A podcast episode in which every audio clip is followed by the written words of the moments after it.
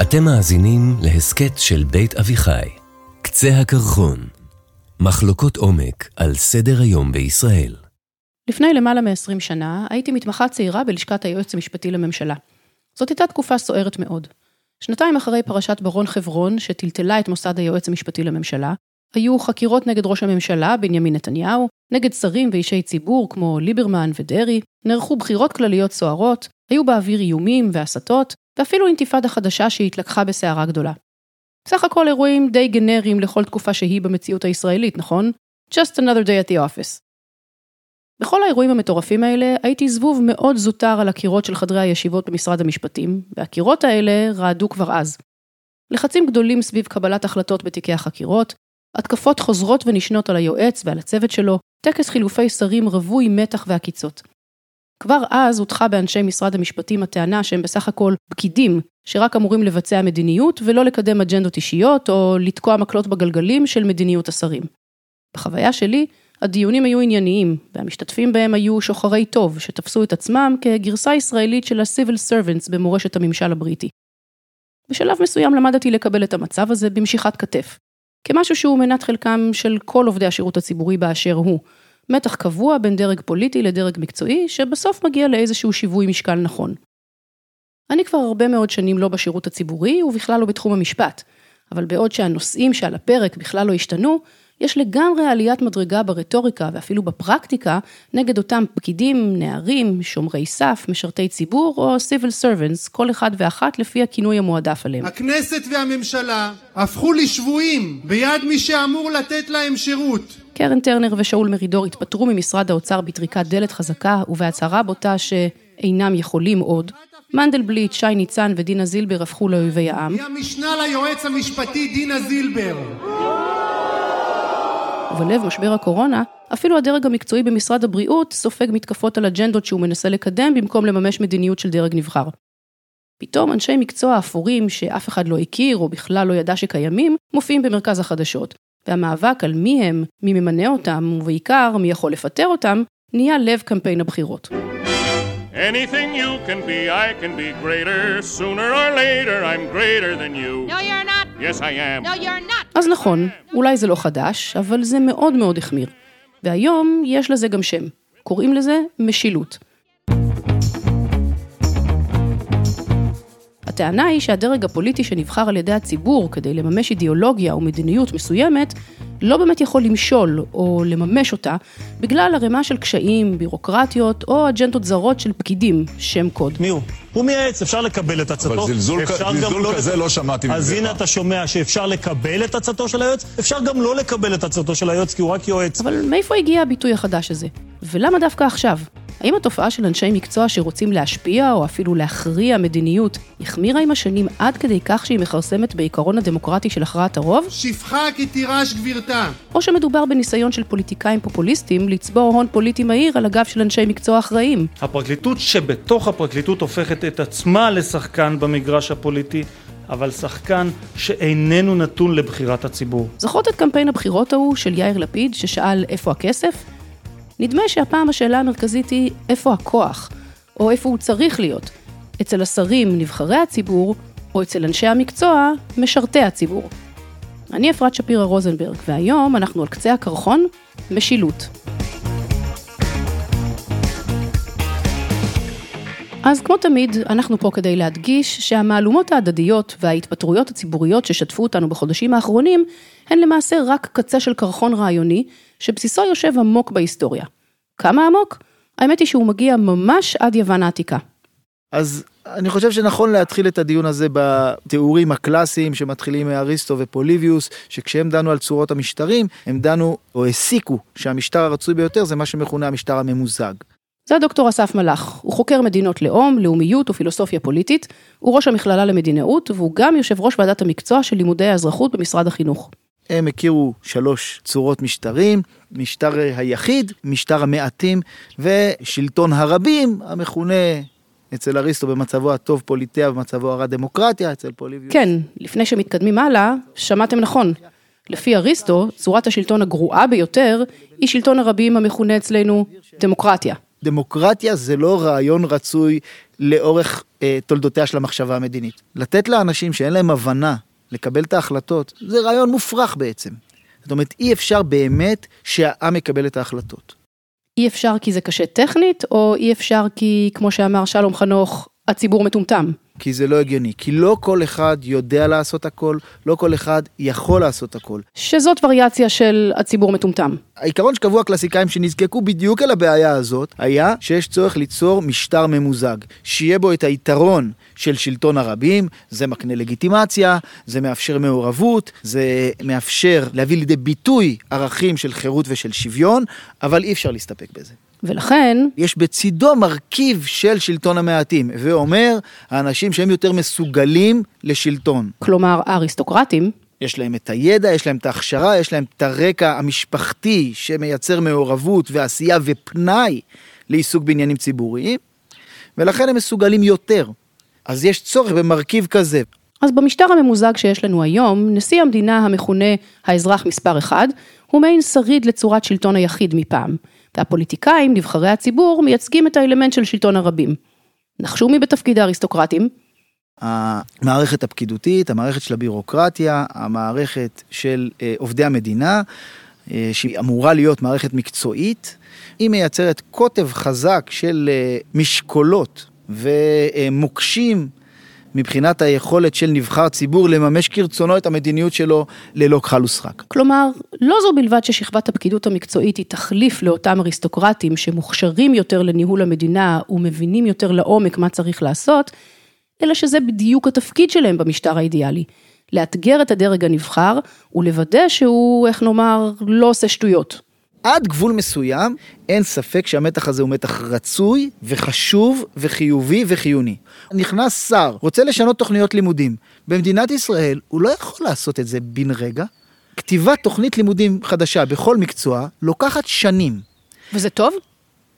זה שזה לא קורה בן רגע זה טוב. האם זה טוב שזה לוקח ארבע שנים בממוצע ולא שנתיים בממוצע? לא. אבל עצם זה שכתיבת תוכניות הלימודים זאת ועדה מורכבת עם כמה שלבים שלוקח לה לפחות שנה, זה דבר טוב. כי הדבר הזה לא מאפשר למערכת להיות כל כך קפריזית, שזה לא משנה אם אנחנו סוברים שהיא מלאה בליקויים מימין, או אם אנחנו סוברים שהיא מלאה בליקויים משמאל.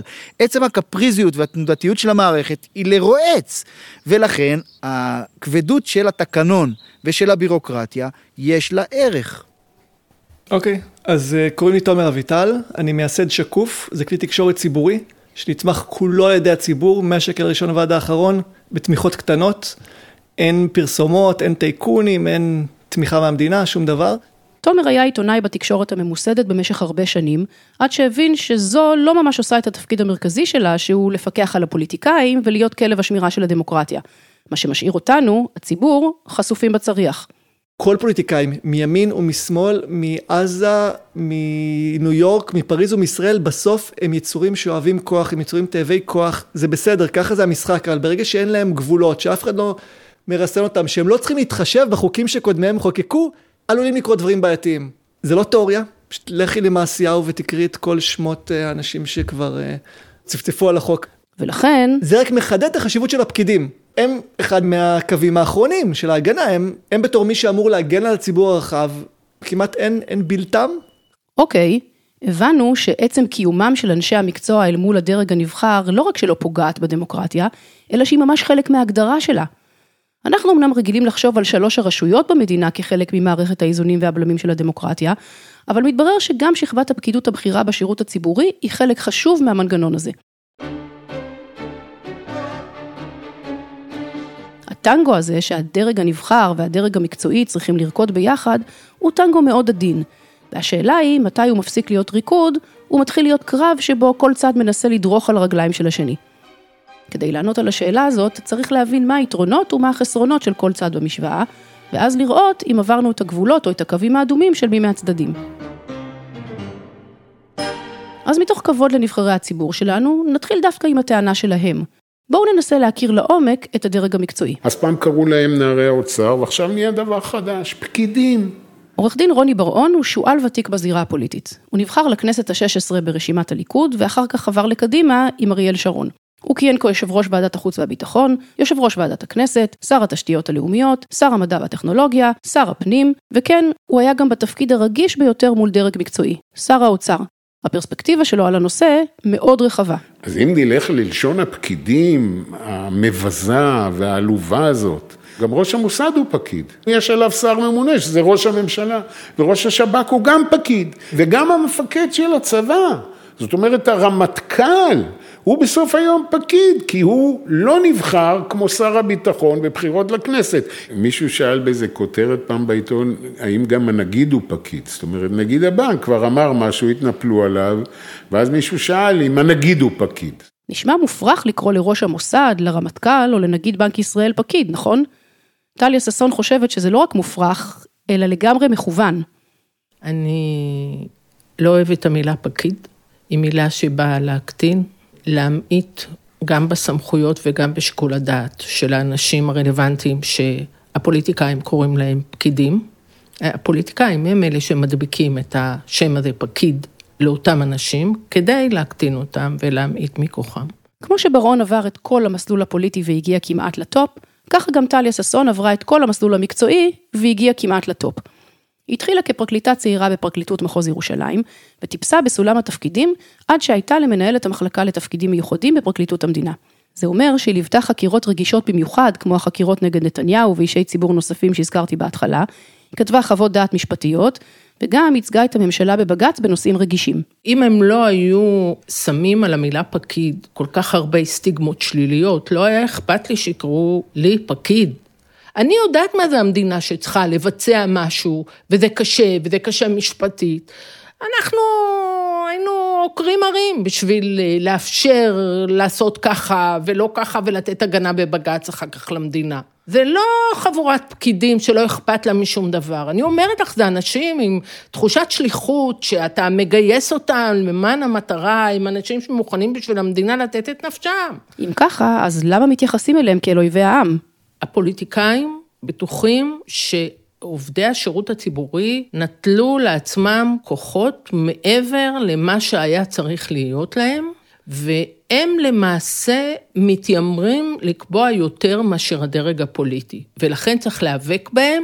צריך להקטין אותם וצריך להזכיר להם שאני הפוליטיקאי, אני נבחר, ואתה לא. זה תמצית הרעיונות של הפוליטיקאים. נכון, זה בדיוק הטיעון. אבל כבר שמענו שהמתח הזה תמיד היה. למה הוא התגבר בשנים האחרונות? עם אובדן השלטון במהפך של 77, החלו בהדרגה ניסיונות לבצר את הכוח של השמאל במערכות הציבוריות הלא נבחרות.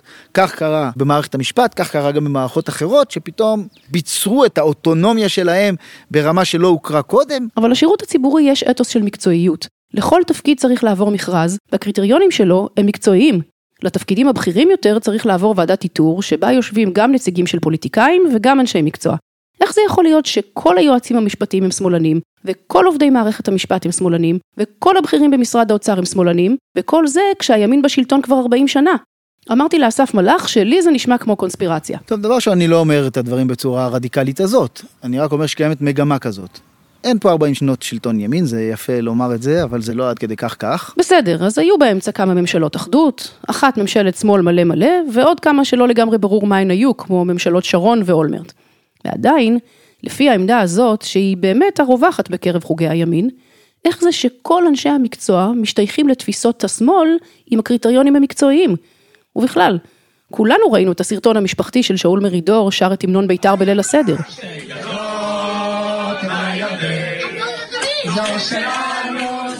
זה פקיד שהוא שמאל? אני מדבר בראש ובראשונה על יצירת האתוס, וזה עניין שהוא ממש עניין של השנים האחרונות. אני חושב שזה בעיקר בהכשרות של עובדי מדינה בכירים. אם זה צוערים לשירות המדינה, צוערים לשלטון המקומי, כל ההכשרות האלה שהן הכשרות שבשנים האחרונות נכנסו בצורה מאוד משמעותית והופכים להיות שער מרכזי לכניסה לתפקידים בכירים בשירות הציבורי, ובהכשרות האלה יש אג'נדה שקשה שלא לראות אותה. לטליה ששון זה נראה מופרך לגמרי. הייתי חקירה של אה, אביגדור ליברמן, ובסופו של דבר סגרנו את התיק. מה זה עניין אותי, מי זה בדיוק אביגדור ליברמן, מאיזה מפלגה הוא ואיזה, זה לא, זה לא מעניין אותי. גם זה שזה היה ביבי נתניהו בברון חברון. את חושבת שזה עניין אותי שהוא ליכוד או לא ליכוד? אז עמדות פוליטיות לא רלוונטיות בתהליך קבלת ההחלטות. כשהטיעון הזה מגיע מטליה ששון, הוא מעניין במיוחד. כי דווקא ששון היא באופן מובהק שמאלנית. לא שמאלנית עם סמך, מילת גנאי כזאת שפוליטיקאים מהימין משתמשים בה כנגד כל מי שלא מסכים איתם. שמאלנית ממש. איך אני יודעת? כי מאז שהיא עזבה את פרקליטות המדינה, היא כיהנה כנשיאת הקרן החדשה לישראל, הייתה במועצה הציבורית של יש דין, ואפילו שובצה במקום השביעי הלא ריאלי כבר שנים ברשימת מרץ לכנסת. בשיחה בינינו היא טענה שבאותם שנים העמדות שלה היו פחות מגובשות, ושהיא בכלל לא הגדירה את עצמה אז כאשת שמאל. ברור לי שחלק מהמאזינים מאמינים לה, וחלק דווקא מגלגלים עיניים, אבל האמת היא שזה לא כל כך משנה, כי זה לגמרי בסדר שהיא שמאלנית. הטיעון שלה בעצם מבוסס על משהו אחר. נקרא לו כאן אתוס האובייקטיביות. דיברנו עליו כבר בפרק על שיטת מינוי השופטים, שאם לא שמעתם אז ממש כדאי לכם לשמוע, והפעם הוא עולה בהקשר של הפקידים. אז שוב אני שואלת, יש דבר כזה אובייקטיביות? זה בכלל ריאלי לצפות או להאמין בזה?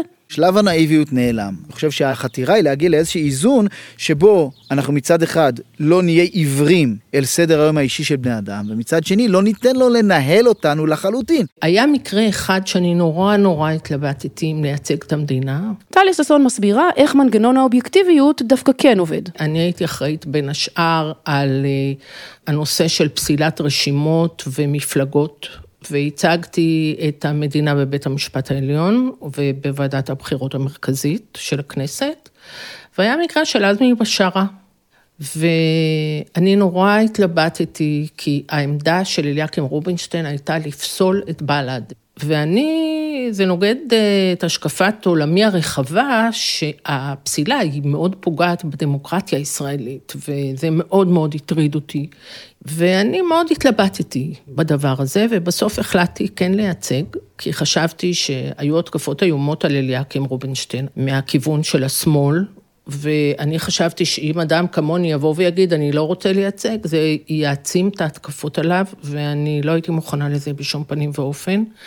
אני באופן אישי אולי הייתי מציגה עמדה אחרת, שלא תביני אותי לא נכון, אבל העמדה שלו הייתה לגמרי לגיטימית, כיועץ משפטי לממשלה, ואני, שחשבתי אחרת, לא הייתי מוכנה להשאיר אותו לבד במקום הזה, לא דיברתי איתו על זה מעולם, ואני החלטתי את ההחלטה שלי, וכך עשיתי, וגם שילמתי עליה. היו על שנינו התקפות איומות. כלומר, ששון ייצגה בבית המשפט העליון עמדה שהיא התנגדה לה, וגם ספגה על הדרך ביקורת שהיא בעצם הסכימה איתה. If it's our job to carry out government policies, shouldn't we believe in them? What an extraordinary idea. היא אומרת שזה קרה לא מעט פעמים, ובשיחה שלנו היו לה די הרבה דוגמאות. אני רוצה להתעכב על עוד אחת. כי צריך להבין שטליה ששון הייתה סוג של סמל, היא הייתה הדינה זילבר של תקופתה, והשיא היה בפרשה הבאה. ב-2003 ממשלת ישראל התחייבה במסגרת השלב הראשון של מפת הדרכים לפנות ולפרק את כל המאחזים הלא חוקיים שהוקמו ביהודה ושומרון החל משנת 2001. כדי ליישם את ההחלטה הזאת, ראש הממשלה דאז, אריק שרון, פנה אל טליה ששון, שמצד אחד כבר לא עבדה בפרקליטות בשלב הזה, אבל מצד שני עוד לא הצטרפה באופן אקטיבי לתנועה פוליטית כלשהי, והטיל עליה לכתוב עבורו חוות דעת משפטית, שתמפה את כל המאחזים ותמליץ מה ואיך לעשות. אחרי עבודת שטח מקיפה, ב-2005 ששון הגישה לממשלה את מה שכונה לאורך השנים דוח המאחזים. למעלה מ-300 עמודים שמנתחים את המצב המשפטי וקובעים בשורה התחתונה שישראל פעלה בניגוד לחוק בהרבה מאוד היבטים. הדוח אומץ בחום משמאל, ועורר ביקורת קשה מימין על שהוא מגמתי ופוליטי. כמה שנים אחר כך, ב-2012, ראש הממשלה נתניהו הקים ועדה חדשה בראשות השופט אדמונד לוי, והטיל עליה משימה דומה. מסקנות הוועדה הזאת היו הפוכות. אני בכלל לא נכנסת כאן לתוכן ולמסקנות, גם כי זה לא ממש חשוב לענייננו, וגם כי, גילוי נאות, אימא שלי הייתה חברה באותה ועדה בראשות אדמונד לוי. שאלתי את ששון אם הגיוני לטעון שמשפטנית, ולו הטובה ביותר, שבדיעבד התברר שתומכת בעמדות של הקרן החדשה ושל מרץ, כתבה את דוח המאחזים כמסמך משפטי אובייקטיבי. זה לא ברור שעצם הניסיון להגדיר מה חוקי ומה לא חוקי מושפע בהכרח מתפיסת העולם שלה? אז בואי אני אגיד לך, זה פשוט מילים ממש לא נכונות. כי אם אני הייתי כותבת את הדוח הזה לפי תפיסת העולם שלי, הוא היה חצי עמוד, והיה כתוב שם שכל ההתנחלויות לא חוקיות לפי המשפט הבינלאומי, ושאין מה לבנות שם שום דבר, וזה פוגע בערכי מדינת ישראל הדמוקרטית, וזה אסון למדינה, וצריך לחזור משם מה שיותר מהר. כמובן, תוך הבטחת הביטחון, שזה א' ב'. אבל אני לא כתבתי אותו לפי העמדה הפוליטית שלי בכלל. אני כתבתי אותו לפי החלטות בג"ץ. ומבחינתה, היא שוב חטפה ביקורת מהמחנה שלה. כמה תוקפים אותי על הדוח הזה בחוץ לארץ? אין לך מושג. שאומרים לי, בזה שאת אמרת שהמאחזים לא חוקיים, בעצם את נתת הכשר להתנחלויות? איך עשית דבר כזה? את מכירה את אמנת ג'נבה הערבית? איך כתבת דבר כזה? אז ביחס לשאלת האובייקטיביות, העמדה של ששון היא ברורה. גם כשיש עמדה פוליטית, אפשר לשים אותה בצד ולפעול לפי האינטרס הציבורי. אני אומר לך, פקידים שאני מכיר, האג'נדה היחידה שלהם זה האינטרס הציבורי הרחב. אם יש להם דעה, הם שומרים אותה, אסור להם בכלל להתראיין, זה מלכתחילה בעמדת נחיתות, התקשיר אוסר עליהם את זה, זה אומר שכבר הם צריכים רק לספוג את כל המהלומות, בגלל זה חלקם פשוט בוחרים ללכת הביתה, כי מה הם צריכים את זה? משכורת נמוכה וסימון שלך כאויב המדינה, ואם יש להם אג'נדה, איפה הם יכולים להוציא אותה? אבל רגע, אג'נדה זה לא רק עמדה פוליטית ברורה. אולי לחלק מהפקידים יש אג'נדה מקצועית מסוימת שאותה הם רוצים לקדם. השאלה הזאת רלוונטית יותר למשרדים המקצועיים, והיא נשמעת באופן ספציפי, לא אחת כלפי הדרג המקצועי במשרד האוצר. לפעמים פקידי האוצר שוכחים את ההיררכיה. תפקידנו להחליט כיצד תקציבי המדינה יחולקו, לא לפי הגחמות של אגף התקציבים. אני הכרתי את אנשי אגף התקציבים ואת אנשי החשב הכללי. זה שוב רוני בר-און, שר האוצר לשעבר.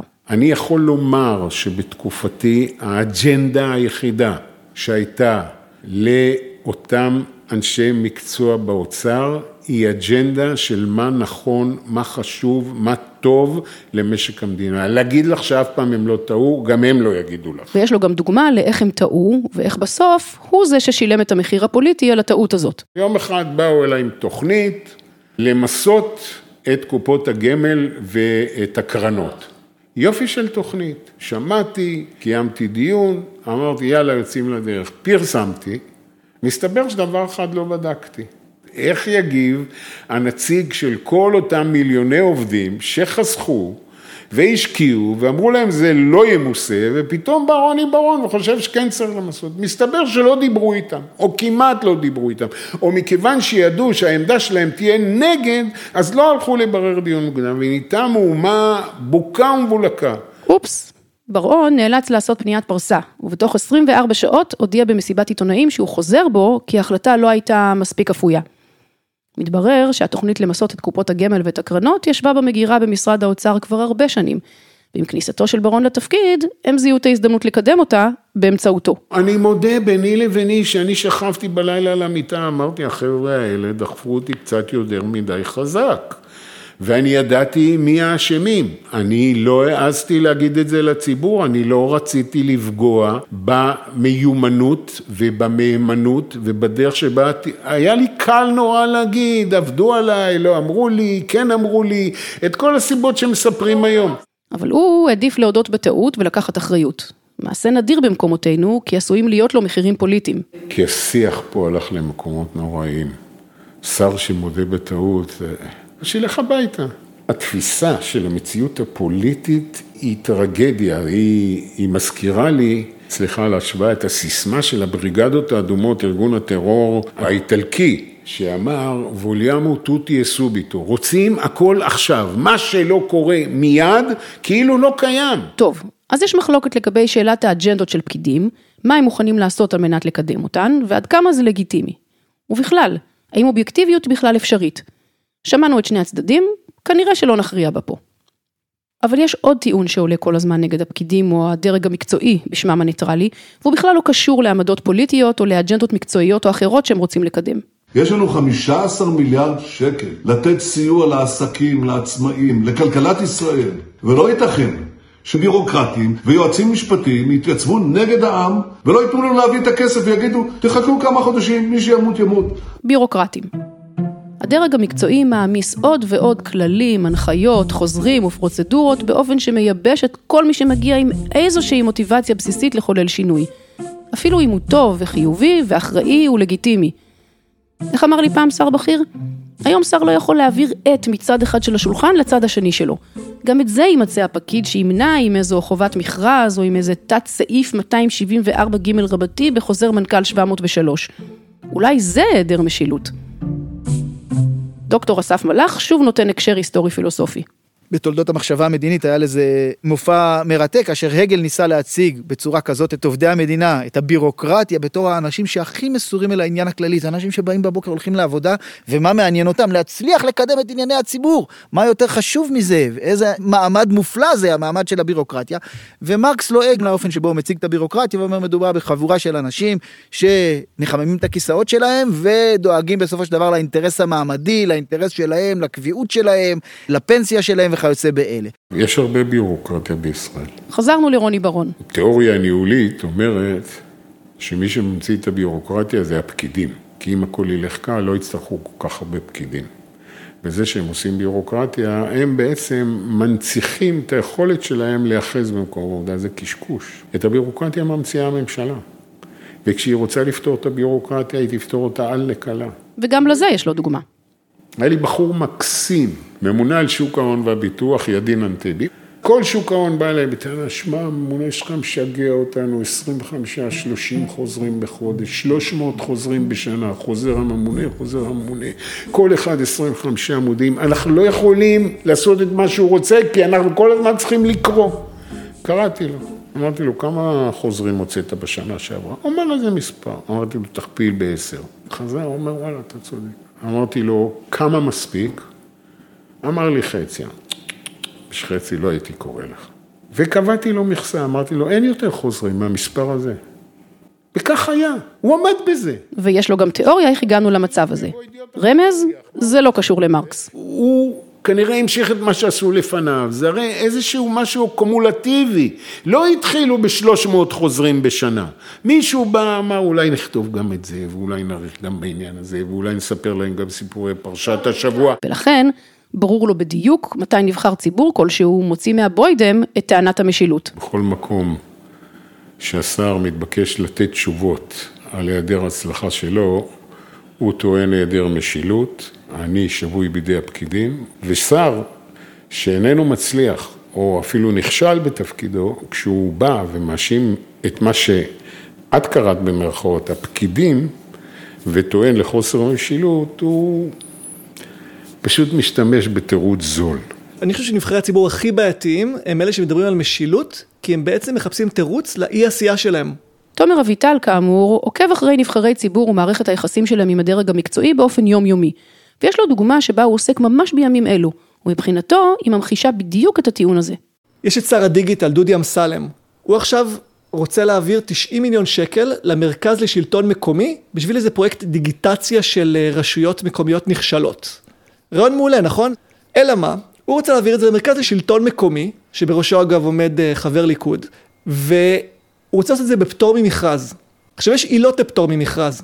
אם אתה רוצה להעביר את זה למישהו ספציפי, אתה אמור לוודא שהוא הספק היחיד שיכול לעשות את זה, או שיש לו איזו יעילות יוצאת דופן או מומחיות חריגה. באוצר עשו בדיקה, גילו לא, המרכז לשלטון מקומי אין שום מומחיות מיוחדת דיגיטלית, הם בעצמם יצטרכו להשתמש בספקים אחרים ויגזרו קופון בדרך, אין שום סיבה לא לעשות מכרז.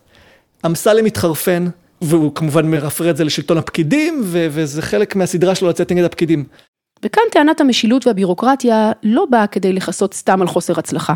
הסיפור הרבה יותר בעייתי. עכשיו זה חלק מאוד מאוד אה, משמעותי בסיפור המשילות. נגיד שחוק חובת המכרזים לא טוב, תשנו את החוק. הם לא יכולים לשנות את החוק, אין להם רוב בכנסת. אז מה בעצם יש לנו פה? יש לנו פה שרים שאומרים, אין לנו משילות, הפקידים תוקעים. אבל מה הפקידים עושים? הם בסך הכל מיישמים את החוק. אם פוליטיקאים באמת רוצים לשנות משהו, שיעבירו חוק. אם איזה שר רוצה לעבור על החוק, ואין לו רוב לשנות אותו, זה לא נקרא משילות. אז הבירוקרטיה הפקידותית היא אולי לא התגלמות הטוב והיופי בעולם כמו שחשב הגל, אבל אולי היא גם לא קונספירציה לשימור המעמד שלה, כמו שחשב מרקס. אני שומעת כאן איזשהו קונסנזוס ששר שבאמת רוצה, מעוניין ובא לעבוד קשה, יכול לצמצם את הבירוקרטיה למינימום הכרחי. אגב, כל המרואיינים באמת הסכימו שהשירות הציבורי לא מספיק יעיל, ושיש כמה צעדים ברורים שאפשר לעשות, בחקיקה כמובן, כדי לתקן את המצב. כמו למשל לקצוב קדנציות. לטפל בקביעות, בשכר עידוד, לשנות את, ה, את הכפיפויות, לבטל משרדים מיותרים שפוליטיקאים המציאו. תעשו רפורמה בנציבות שירות המדינה, יש כבר מסמכים מוכנים שמחכים עשור שמישהו ירים אותם. אבל הם פוחדים הפוליטיקאים מכל הכיוונים, ולכן הם לא עושים רפורמה בנציבות שירות המדינה, רפורמה שיכולה לשפר את היעילות, נגיד לקצר את הזמן של מכרזים, לייעל מכרזים.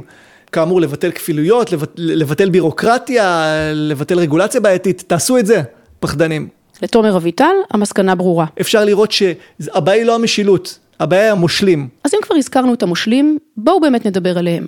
על השרים, הפוליטיקאים, הדרג הנבחר. עד עכשיו ניסינו להבין את האינטרסים והשיקולים של הצד של הפקידים בטנגו העדין הזה של המשילות. נראה לי שהבנו שהם לא בהכרח אויבי העם כמו שחלק מהפוליטיקאים מנסים לרמוז. אבל מה עם הצד השני של המשוואה? נשמע מהדברים האלה שאולי נבחרי העם הם דווקא האויבים.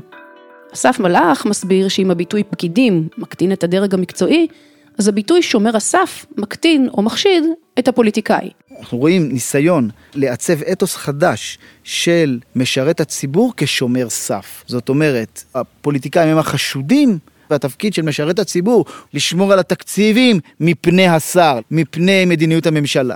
זאת אומרת, יש בעצם סוג של השחרה של הפוליטיקאים, כביכול פוליטיקאים הם תמיד מחויבים לאיזה אג'נדה סקטוריאלית, שלא לומר אישית, לעומת זאת, עובדי המדינה, המשפטנים, הם נקיי כפיים, הם מקצועיים וניטרליים, הם אה, אה, נטולי פניות, והם מייצגים רק את האינטרס הציבורי ואת טובת המערכת. בגדול, פוליטיקאים הם אנשים שלא תמיד האינטרס שלהם חופף את האינטרס הציבורי, כן? הם רוצים להיבחר שוב, הם רוצים להיות אהודים.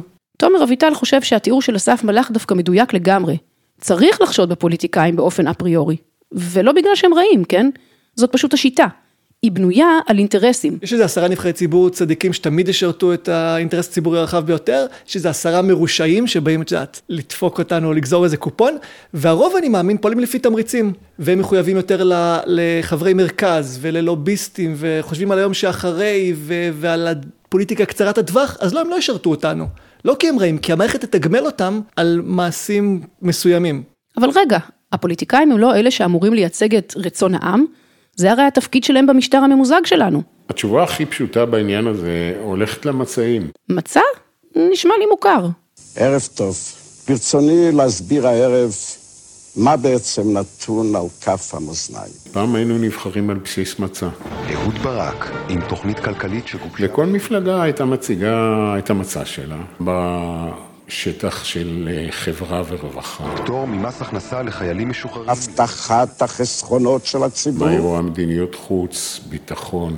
נמשיך את ההתיישבות בארץ ישראל כולה. מהי רואה כלכלה. השקעות בתשתיות לאומיות, כבישים, רכבות. היה ברור שהעבודה והליכוד מציגים שני דברים שונים. זאתי נשמת אפו ומהותו של הליכוד. קבלת עותק של התוכנית הכלכלית צלצלו 12-12-33-2299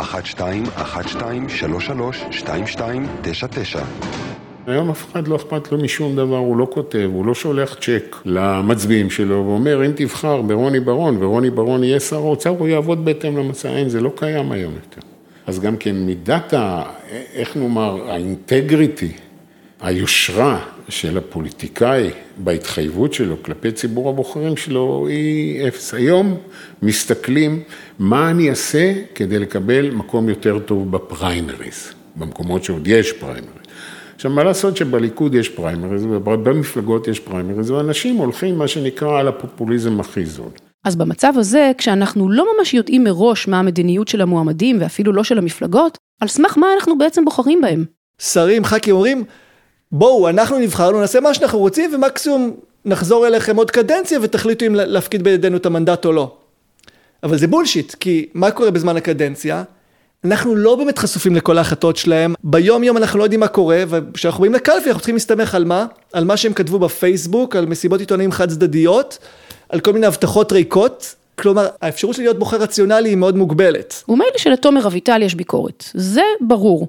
הוא הקים ארגון שזה בדיוק התפקיד שלו, לעקוב אחרי הפוליטיקאים ולוודא שהם מממשים את המטרות שלשמה נבחרו. אבל לרוני בר-און יש ביקורת עוד הרבה יותר חריפה על החברים שהחליפו אותו במשכן, ובאופן ספציפי על מי שהחליף אותו במשרד האוצר. בחצי שנה הזאת, בשמונה חודשים שהוא שר אוצר, הוא חי באולפנים האיש הזה. הוא לא מפסיק לדבר בתקשורת, הוא כל הזמן מתגונן ומסביר ואני דואג לכם ועושה לכם ועושה לכם ועושה לכם, ספר לך סיפור מבין החדרים. מה זה הדבר הזה? כל יום, כל שעה, להתקוטט עם כולם, לריב עם הפקידים, לריב עם האופוזיציה, לריב עם העיתונאים. עזבי איך זה נראה. איפה הזמן שאתה עובד במשרד האוצר? האמת היא שהביקורת של בר-און על ישראל כץ היא ביקורת די גנרית על הרבה שרים, שבמקום לעבוד הם עוסקים בפוליטיקה קטנה, מנסים לצבור הון לקראת הפעם הבאה, ובעיקר נמצאים באולפנים יותר מאשר במשרד שבראשו הם עומדים. אבל תתפלאו, יש מי שטוענים שזה כמעט הדבר היחיד שהם יכולים לעשות, ושהם כל כך מוגבלים על ידי היועצים המשפטיים והפקידות הבכירה, שהם לא באמת מסוגלים לממש מדיניות עניינית, גם אם יש להם כזאת. עכשיו, יש אתוס שלשר אסור לטפל בענייני משרדו. כי הטיפול שלו הוא פוליטי. שוב אני אומר, אני הייתי קשור לפעילות של משרד החינוך כאשר נפתלי בנט היה שר החינוך. כשהוא ניסה להתערב, אז תמיד ההתערבות שלו היא פוליטית. כל מה שהוא מנסה לעשות, אסור לטפל בענייני משרדו, רק לנסוע ברכב השרד מסביב לבניין המשרד. אבל כל דבר שהוא עושה זה התערבות פוליטית, שמסבירים למה הוא עושה את זה מסיבות פוליטית, וכאילו יש בזה איזשהו טעם לפגם. המצב הזה מעוות. כל המערכת בעצם מפחדת מהשר, ורק מחפשת איך למנוע ממנו לפעול בענייני משרדו, בגלל החשש המתמיד שהוא בניגוד עניינים מובנה, ומנסה להשפיע באופן לא ראוי. השר אמור לטפל בענייני משרדו, וצריך לאפשר לו את מלוא הכלים לכך לעשות את זה באופן אפקטיבי. או, זה misunderstanding עמוק בכל מה שקשור במשרד המשפטים. זאת שוב טליה ששון. זה מקום מקצועי. שהיכולת שלך כשר להתערב בעבודת המקצוע היא נמוכה ביותר. היא לא מתכוונת ליכולת ברמת ההבנה המקצועית. רוב שרי המשפטים היו משפטנים בעצמם ודי הבינו את החומר. שרת משפטים מסוימת שאינה משפטנית, דווקא למדה אותו מהר וטוב. ביכולת, ששון כמובן מתכוונת ללגיטימציה. היועץ המשפטי לממשלה איננו כפוף מקצועית לשר המשפטים. שר המשפטים לפי הכללים אסור לו להתערב בעבודת היועץ, בכלל לא. הוא יכול להתערב רק בנושאים כלליים של מדיניות. אז השאלה מה מרחב הפעילות של השר בתוך המשרד. הוא יכול למשל ליזום אה, תקנות סדר דין חדשות שישנו סדרי עולם בעולם המשפט. שוב חזרנו לנושא הזה, הובלת שינויי חקיקה. היו עימותים וויכוחים בין שר משפטים ליועץ משפטי לממשלה, זה לא שמה שאני מציגה פה עכשיו זה כזה ראה וקדש וכולם קיבלו את זה, לא. היו ויכוחים והיו עימותים והיו כיפופי ידיים. השר יכול להתערב בענייני המשרד שלו או לא יכול? אסף מלאך חושב שגם אם מותר לו, והוא רוצה ויכול, קשה לו מאוד לעשות את זה פרקטית. וזה מקדם אותנו עוד שלב בדיון, לכל נושא המינויים הפוליטיים ומשרות האמון. יש מלחמה קבועה ובלתי פוסקת על נושא המינויים בשירות הציבורי, וכיום המצב הוא ששר שנכנס למשרד חדש יכול להביא אדם אחד מטעמו, מנכ"ל המשרד שמוגדר כמשרת אמון. כל שאר עובדי המשרד הם דרג מקצועי, ובהם אסור לגעת. לשר אסור לפטר אותם, ואם במקרה חלק מהמשרות שלהם פנויות, אסור לו גם למנות עליהן אנשים מטעמו. הרחבה של המינויים הפוליטיים היא בעיניי לטובה. כמו בנושא של מינוי שופטים, גם בנושא המינויים הפוליטיים, הרבה מאוד פוליטיקאים מנפנפים בשיטה האמריקאית, שבה כל פעם שמתחלף הממשל, 8,000 אנשי מקצוע מרוקנים את המגירות אל תוך קרגלים והולכים הביתה, מפנים מקום לדור חדש של אנשי המקצוע שמביאים איתם השרים החדשים. אז חשוב להדגיש, אף אחד מהמרואיינים כאן לא חושב שזאת הדרך. זאת גם ממש לא הכוונה של אסף. הוא מדבר על שינוי הרבה פחות דרמטי. מינוי של משנה למנכ"ל, זאת אומרת עוד מינוי פוליטי אחד במשרד, שאנחנו מדברים על, על משרדים שיש בהם אלף, אלפים רבים של עובדים. אנחנו מדברים על עוד מינוי פוליטי אחד של השר שמאפשר איזשהו מרווח של התייחסות למכלול עצום, בלתי נתפס של נושאים שיש על סדר היום של השר, אז הטענה שכאילו המינוי של משנה למנכ"ל זה מה שיהפוך את המשרד לפוליטי? אני הבאתי את המנכ"ל, אני לא הבאתי אותו סתם, הבאתי אותו כי ידעתי שהוא מישהו שיש לי איתו שיח ושיג, והוא עזר לי מאוד בדברים האלה. ואני אומר לך שאני העברתי את מה שרציתי להעביר, למרות שזה לא היה מה שנקרא אה, כמו גלגלי שיניים שמשמנים אותם פעמיים ביום. אז אני מבינה מה understatement של ברון, שזה אומנם אפשרי, אבל עשוי להיות לא קל לפעול במשרד באמצעות איש אמון אחד בלבד. השר יש כוח אדיר במשרד שלו, ואנשים פוחדים ממנו ורועדים ממנו, ומנסים לרצות אותו, ולעשות את המקסימום שהם יכולים כדי למלא את הרצון שלו. וזה, אני אומרת לך שזה פשוט, זה לקחת סיטואציה ולהפוך אותה. מנקודת המבט של פקידה בכירה, הדברים נראים אחרת. מה יותר מדויק וקרוב למציאות? אני לא באמת יודעת. אבל לתומר אביטל יש טסט קייס מצוין למה קורה כשראש הפירמידה יכול למנות או לפטר פקידים בכירים בממשל שלו. כן, יש מודל נהדר שמראה מה קורה בגוף שבו אין עצמאות לאף פקיד, קוראים למקום הזה הרשויות המקומיות, שם ראשי הערים הם שריפים, שם היועץ המשפטי, הגזבר, המנכ"ל, את כולם מאוד קל לפטר והם בעצם כפופים לראש עיר. ואת רואה מה קורה ברשויות מקומיות. המקום הכי מושחת במדינת ישראל, יש לי את המספרים של כמה עשרות ראשי רשויות ישבו ב... במאסר והורשעו. המספרים הם שבעשור האחרון הורשעו למעלה מ-40 ראשי רשויות מקומיות בעבירות שונות שהיו קשורות לביצוע תפקידם ולשימוש לרעה בכוח. אולי זה מה שקורה כשפקידים בכירים הם אנשי אמון של הדרג הנבחר. איך שאני רואה את זה, הפקידים אמורים להיות נאמנים לציבור הרחב. אנחנו משלמים את המשכורת שלהם, והם שם עובדים בשבילנו. הנאמנות שלהם היא עבורנו, לא עבור השר. והרבה שרים לא אוהבים את זה. הם מאמינים שפקיד טוב זה פקיד נאמן להם. אז שימי לב שהנאמנים זה אלה שבדרך כלל נשארים, אבל נאמנים לא אומר מקצועיים. לא אומר שהם חכמים, מנוסים, תבוניים, יעילים, זה רק אומר שהם צייתנים. אולי זה לא הכל או כלום. אולי איש אמון אחד במשרד גדול ומורכב, תוך כדי ניהול סדר יום פוליטי, זה מעט מדי, והיכולת למנות ולפטר את כל הפקידות הבכירה, זה יותר מדי. אסף מלאך העלה את האפשרות של משרה אחת נוספת, משנה למנכ"ל, במשרדים מורכבים במיוחד, כדרך להגביר את הכוח של השר. לי זה נשמע הגיוני, אבל תומר רואה שחורות, וחושב שהשינוי שהשר דודי אמסלם רוצה לעשות בנבחרת הדירקטורים של החברות הממשלתיות, ממחיש בדיוק למה. יש עוד 100 חברות בערך שבבעלות המדינה, ומנהלים כל חברה כזאת דירקטורים, ואמסלם רוצה שהוא יוכל למנות בעצמו את מי שבא לו, אנשים גם חסרי תארים אקדמיים וחסרי אה, מומחיות. איזה, הוא, איך הוא קרא לזה, ריקי כהן מחדרה או משהו כזה, הוא עלק, לא, הוא רוצה מקורבים, הוא רוצה חברי מרכז שיוכל בקלות לתת להם ג'ובים על חשבוננו, ג'ובים שיגרמו לחברות האלה לתת שירות גרוע יותר. אז תודה לאל שהפקידים עכשיו אומרים לו, לא, אתה צריך בשביל זה חקיקה, אתה צריך בשביל זה כנסת מתפקד, אתה צריך בשביל זה רוב. ואגב, אם יהיה, נגיד שעכשיו אחרי הבחירות, יהיה לאמסלם רוב מוצק בכנסת של ח"כים שיחשבו שזה הרעיון הנכון, אז תפאדל, תעשו את זה, אני אישית אתבאס רצח, אני אכתוב על זה 100 כתבות שזה רעיון רע, אני אבין שאני הולך לשלם על זה בגלל זה יותר מיסים ולסבול, אבל אני אקבל את ההכרעה. כן? כן, מה, מה אני, אחרת זה מהפכה, אני, אני מאמין בדמוקרטיה, אני מאמין שלגמרי, כן. טוב, אז אני חושבת שתמונת המחלוקת ברורה. אבל רגע לפני סיום, יש נושא קריטי אחד שאי אפשר להתעלם ממנו. אנחנו כל הזמן מדברים על פקידות בכירה ומכניסים לביטוי הזה הרבה מאוד סוגים של אנשי מקצוע במשרדי הממשלה. אבל האמת היא שחוץ ממשרדי המשפטים והאוצר שעליהם דיברנו בהרחבה, יש סוג אחד של פקידות שמושכת את רוב האש של טיעון המשילות. היועץ המשפטי של המשרד. כל משרד. ולמה? כי היועצים המשפטיים פועלים תחת מה שנקרא מודל הכפיפות המפוצל, מה שאומר שאולי הם עובדים במשרד ממשלתי ספציפי, אבל מקצועית הם כפופים ליועץ המשפטי לממשלה. במילים אחרות, השר במשרד שבו הם עובדים לא יכול לפטר אותם, והם בכלל לא מחויבים לו ברמה המקצועית. המטרה של המודל הזה היא שמירה על עצמאותו של היועץ המשפטי של המשרד, והגנה עליו מהיכולת של השר להפעיל עליו לחצים פסולים כדי שיאשר מהלכים לא חוקיים שהשר מבקש לקדם. אם תריצו את רוב ההתבטאויות של הפוליטיקאים בנושא המשילות, תראו שרובם ממוקדים בשלטון היועמ"שים. קוראים לזה אוטוקרטיה, אבסולוטיזם, שלטון יחיד, פקיד אחד.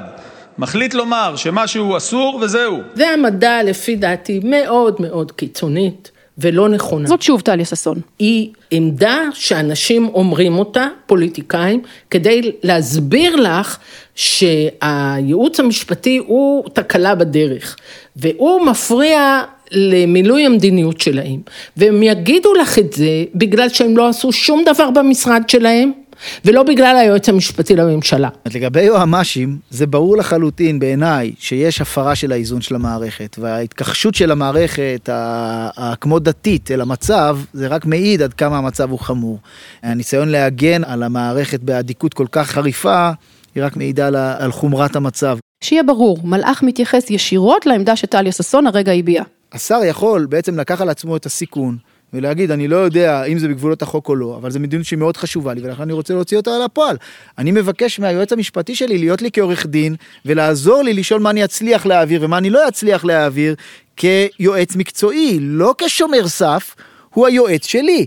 אחר כך, אם היא תהיה בעיה, מישהו יעתור לבג"ץ, יש לנו אה, רשות שופטת שעל הרשות המבצעת ללא ספק היא אמורה לפקח ולבדוק האם זה לפי החוק או לא. אבל זה שהיועץ המשפטי יקבע לי את המותר והאסור כדבר מחייב ככפוף אל היועץ המשפטי לממשלה, זה בעצם עוד פאוול שהרשות המשפטית, שוב כבעלת אינטרס, מבצעת לכיווני מדיניות שאינם טובים בעיניה.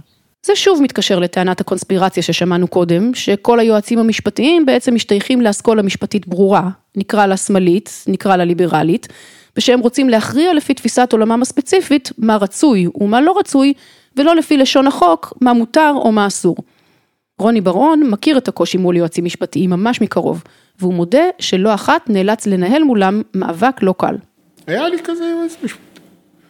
יושבים, מסכמים וזה, ואז הוא אומר לי, אי אפשר. אז אני אומר לו, למה אתה אומר אי אפשר? בנוחות קהל ועדה. הוא אומר, כתוב בספר, מוציא את הספר שלו, קורא מהספר. אמרתי לו, אני מפסיק את הישיבה, היו 40 איש, אמרתי לו, שמע, אדוני היועץ המשפטי, אני מפסיק עכשיו את הישיבה לחצי שעה, לך לספרייה, תביא ספר איפה שכתוב שמותר. לא הסתייע. ברון כדרכו לא התייאש והחליט לשחק לפי הכללים של המערכת. לא באתי, אמרתי לו, הנה הדלת. לא עשיתי מסיבת עיתונאים ואמרתי, אני השליט ואתה תעשה מה שאני אומר. הלכתי ואמרתי לו, אני הולך על היועץ המשפטי לממשלה, אני מרגיש שאני לא יודע לשכנע אותך, ואני לא רוצה לטפס על קירות חלקים, וגם אני לא רוצה כל הזמן להיתקע עם הראש בקיר. אז הוא באמת פנה ליועץ המשפטי לממשלה, שאחרי דיונים ומחשבות... חזר אליי ואמר לי, אני מקיים איתו שיחה, ובוא נראה איך זה יעבוד. וזה עבד. אוקיי, אבל תחשוב על האנרגיה שהיית רגע, צריך רגע, להשקיע רגע, בזה. רגע, רגע, רגע, אז מה, מה, מה, למה לא? למה לא? הוא היועץ המשפטי של המשרד, הוא לא קנה את זה בדוכן מפעל הפיס, הוא חושב ככה, הוא עיקש, הוא צעיר, הוא לא מנוסה, אין לו את ניסיון החיים שלי, יכול להיות שאצל שרים אחרים זה עבד, ההתעקשות שלו, בא שר אחר, מתמודד עם הבעיה. לא רץ ומיילל בתקשורת, לא נותנים לי לעבוד, שלטון הפקידים. עשיתי את מה שהייתי צריך לעשות. מערכת היחסים בין הדרג הפוליטי הנבחר לדרג המקצועי הלא נבחר סוערת ורגישה מאז ומתמיד, עוד מימי יוליוס קיסר והסנאט הרומי. נכון, שם זה אומנם נגמר פחות טוב, אבל בגדול, כנראה שככה זה צריך להיות. כנראה שמשיכת החבל העדינה הזאת בין נבחרי הציבור למשרתי האינטרס הציבורי בעצם שומרת עלינו, ואמורה לוודא שכל צד במשוואה הזאת לא צובר כוח בלתי סביר. הרי בסוף, אין באמת רעים וטובים בסיפור הזה. הפוליטיקאים נמצאים שם כי הציבור בחר אותם. אלה הם כללי המשחק בדמוקרטיה. אנשי הדרג המקצועי נמצאים שם כי מערכות המדינה צריכות לתפקד, והם האנשים שיודעים לעשות את זה הכי טוב. גם אלה כללי המשחק בדמוקרטיה. שמענו שבדרך הזאת יש כמה מחלוקות משמעותיות. אתוס האובייקטיביות, בירוקרטיה מסרסת שמקשה להניע תהליכים, מבנה הכפיפות המפוצלת של היועצים המשפטיים. אבל האמת היא שאני הופתעתי לשמוע עד כמה יש קונסנזוס משני צידי המערכת שהמושג משילות נזרק לחלל האוויר בהקשר הזה לעיתים קרובות מדי. מתוך ניסיון לכסות על היעדר רצון או יכולת חוקית לשנות את מה שרוצים, או סתם כדי לזכות בכמה נקודות זולות ומהירות בדעת הקהל. אז תעשו לנו טובה, חברים וחברות. תלמדו להסתדר. המאבקים האלה הם על הגב של כולנו, ואם אתם ממש רוצים, הנה דרך אחת לעשות את זה. יש הבדל מדהים בין שימוש בכוח ושימוש בעוצמה. כשאתה שר ואתה משתמש בכוח שלך, חבל על הזמן. כשאתה שר ואתה משתמש בעוצמה שלך, זה יכול להביא תוצאות נפלאות. אז תעשה לי הבחנה בין כוח לעוצמה. כוח זה סוג של פיזיות. יש לי יותר כוח, אני כופף לך את היד, לך יש יותר כוח, את תכופפי לי את היד, זה אותו הדבר בינם לבין הפקידות. כשאתה בא בעוצמה, עוצמה זה, זה הכל, זה היכולת שלך לשכנע, זה האישיות שלך, זה היכולת שלנו לעבוד ביחד, כשהשלם יהיה יותר גדול מחלקיו, כי מה השותפות הזאת בעצם? אם האחד של הדרג המדיני והאחד של הדרג המקצועי יביאו רק שניים, זה אותו דבר, זה כלום בעצם. אבל אם האחד ועוד אחד יביא ערך מוסף, הנה לך שותפות ש, שיש, בה, שיש בה שכל. אולי זאת ההגדרה האמיתית למשילות. תודה לשלומית גולדין הלוי על התחקיר, לאייל לויט על ההפקה, לניר לייסט עורך הסאונד, לעודד דוידוב על עריכת הפסקול, ולמאיה קוסובר על הייעוץ. אני אפרת שפירא רוזנברג, תצטרפו אליי גם לקצה הקרחון של המחלוקת הבאה.